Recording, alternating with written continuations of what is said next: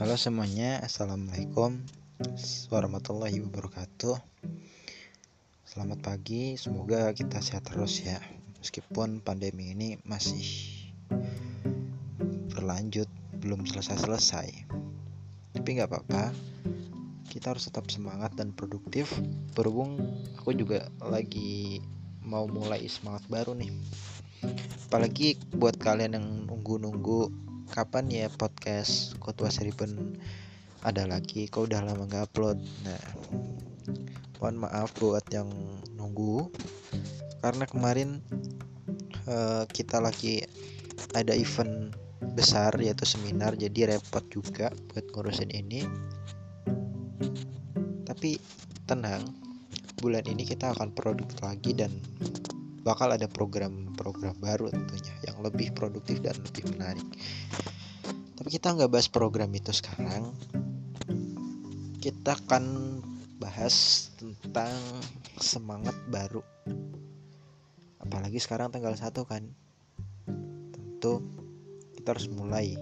Bulan ini bulan terakhir di 2020. Selama 31 hari ke depan kita akan menghabiskan tahun ini. Semoga tahun 2020 ini meskipun kita di rumah aja ya hampir setahun kita masih punya harapan untuk lebih baik. Semoga tahun depan tahun 2021 pandemi segera selesai dan kabar baiknya nih ya yang aku tahu dari berita sekolah sama kuliah udah tetap buka meskipun dengan aturan yang baru dan protokol kesehatan tentunya. Itu udah suatu harapan yang kita nanti-nanti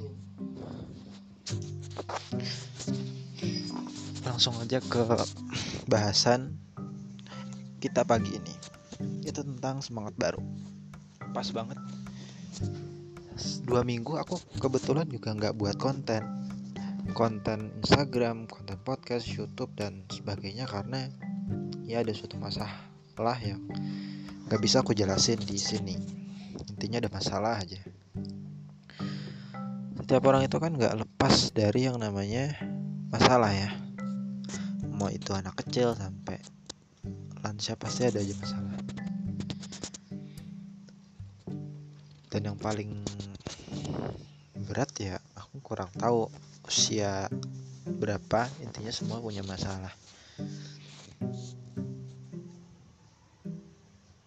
Lantas bagaimana kita cara menghadapi masalah tersebut tentunya dengan punya semangat baru tapi untuk bisa menyembuhkan hati yang luka karena masalah masalah itu kan ada banyak ya. Ada masalah hati masalah fisik. Nah masalah fisik ini yang cukup lebih ringan dibanding masalah hati karena masalah hati itu terkait perasaan yang bisa mengubah keyakinan kita prinsip-prinsip hidup kita. Tapi kalau fisik kan ya sekadar fisik kita aja yang berubah. Dan itu bisa kita bagi-bagi lagi. Misalkan masalah hati ya kita iri sama pencapaian orang lain. Kita merasa bangga diri atas pencapaian kita raih. Atau ada masalah dengan keluarga, teman, saudara dan masih banyak lagi. Intinya masalah itu buat hati kita tuh terguncang gak stabil. Ketika kita mendapat masalah hati khususnya akan mempengaruhi produktivitas kita kerja-kerja kita aktivitas harian kita. Contohnya aku kemarin. Biasanya aku suka nulis habit suka melakukan amalan-amalan harian. Tapi selama dua minggu itu jadi males gerak bawaan nyerbahan terus tiduran terus. Bahkan kuliah pun ya ngantuk mau buat konten tuh rasanya gimana ya? Agak menjauh dikit lah. Untuk mencari suasana yang damai tenang bahkan ya tragedinya di pertengahan bukan pertengahan antara minggu ketiga dan keempat. Tanggal 20-an itu masalah utama terjadi puncaknya klimaks masalah.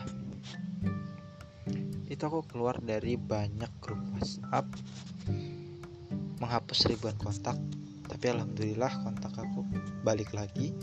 Cuma yang grup WhatsApp yang keluar itu udah nggak bisa balik lagi ya.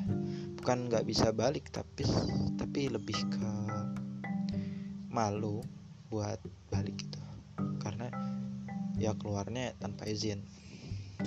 Itu ya efek masalah bisa sampai sejauh itu bahkan bisa lebih berat lagi. Kita putus hubungan sama orang lain putus silaturahmi kegiatan harusnya jalan jadi nggak jalan dan lain-lain. Kalau fisik kan ya fisik kita aja yang berubah keluar uang buat biar rumah sakit buat ini. Oke lalu bagaimana seharusnya kita menghadapi masalah? Yang pertama tentu kita harus punya niat untuk jadi pribadi yang lebih baik ya harus sering-sering muhasabah diri dekat sama Tuhan. Seburuk apa pun kita mau kita punya trauma punya masa lalu kalau kita dekat sama Tuhan misalkan yang Islam baca Quran atau hadis gitu pasti tenang. Seburuk apa pun sebanyak apa pun dosa kita. Yang akan mengantarkan kita untuk menjadi lebih baik. Yang pertama itu niat jadi pribadi yang lebih baik. Yang kedua adalah punya mindset yang positif. Meskipun mindset kita negatif jadi pura-pura kita punya pikiran yang positif. Misal hati kita masih terluka belum sembuh. Terus masalah masih ada bahkan makin membesar. Coba kita pura-pura punya pikiran positif. Aku nggak masalah nggak kenapa-napa biasa aja. Bahkan bisa lebih produktif. Lama kelamaan mindset positif itu akan mengubah yang negatif jadi positif secara otomatis. Kalau kita menerapkan afirmasi positif tersebut setiap hari kita percaya kita yakin kita bisa jadi pribadi yang lebih baik. Pasti yang kedua itu. Punya mindset yang positif yang ketiga segera memulai perubahan. Memang banyak orang itu susah buat mulai suatu perubahan. Banyak alasannya karena kurang ilmu kurang uang kurang relasi dan banyak lah tapi kalau kita mikirin itu nunggu momen terus ya nggak akan mulai-mulai makanya kita harus berani memulai seburuk apa pun kita, sedalam apa pun luka yang ada di hati, mulai aja, jangan takut, jangan ragu. Karena kalau kita ragu dan gak mulai-mulai, waktu kan akan berjalan terus. Ya kita akan mati dalam keraguan, ketakutan. Yang aku percaya itu semua cuma ilusi kok. Jadi ketiga adalah berani memulai. Yang keempat, terus konsisten dan cari temen yang bisa buat kita semangat. Meskipun jangan ini ya jangan terpatok. Jangan terpatok cuma temen itu kan juga kadang semangat kadang males. Ya kita jangan terpatok sama temen terus ngandelin temen. Ya kita harus mengandalkan diri kita sendiri seutuhnya. Bahkan kita harus terus semangat konsisten komitmen sama apa yang kita niatan coba kita ingat-ingat dulu apa sih tujuan kita hidup untuk beribadah apa sih tujuan kita produktif buat konten untuk bermanfaat orang lain. Bukankah itu tujuan yang mulia di dunia ini? Dan bisa aku bilang orang yang paling baik adalah orang yang paling bermanfaat bagi seluruh manusia di mana manusia itu merasa aman dan terbantu dengan hadirnya dia. Meskipun dia tuh bisa dibilang kurang cerdas kurang uang tapi dia punya semangat gitu. Terus komitmen komitmen itu setia sama apa yang diucapkan dilakukan apa yang diimpikan. Tapi ya wajar kalau orang komitmennya suka berubah-berubah.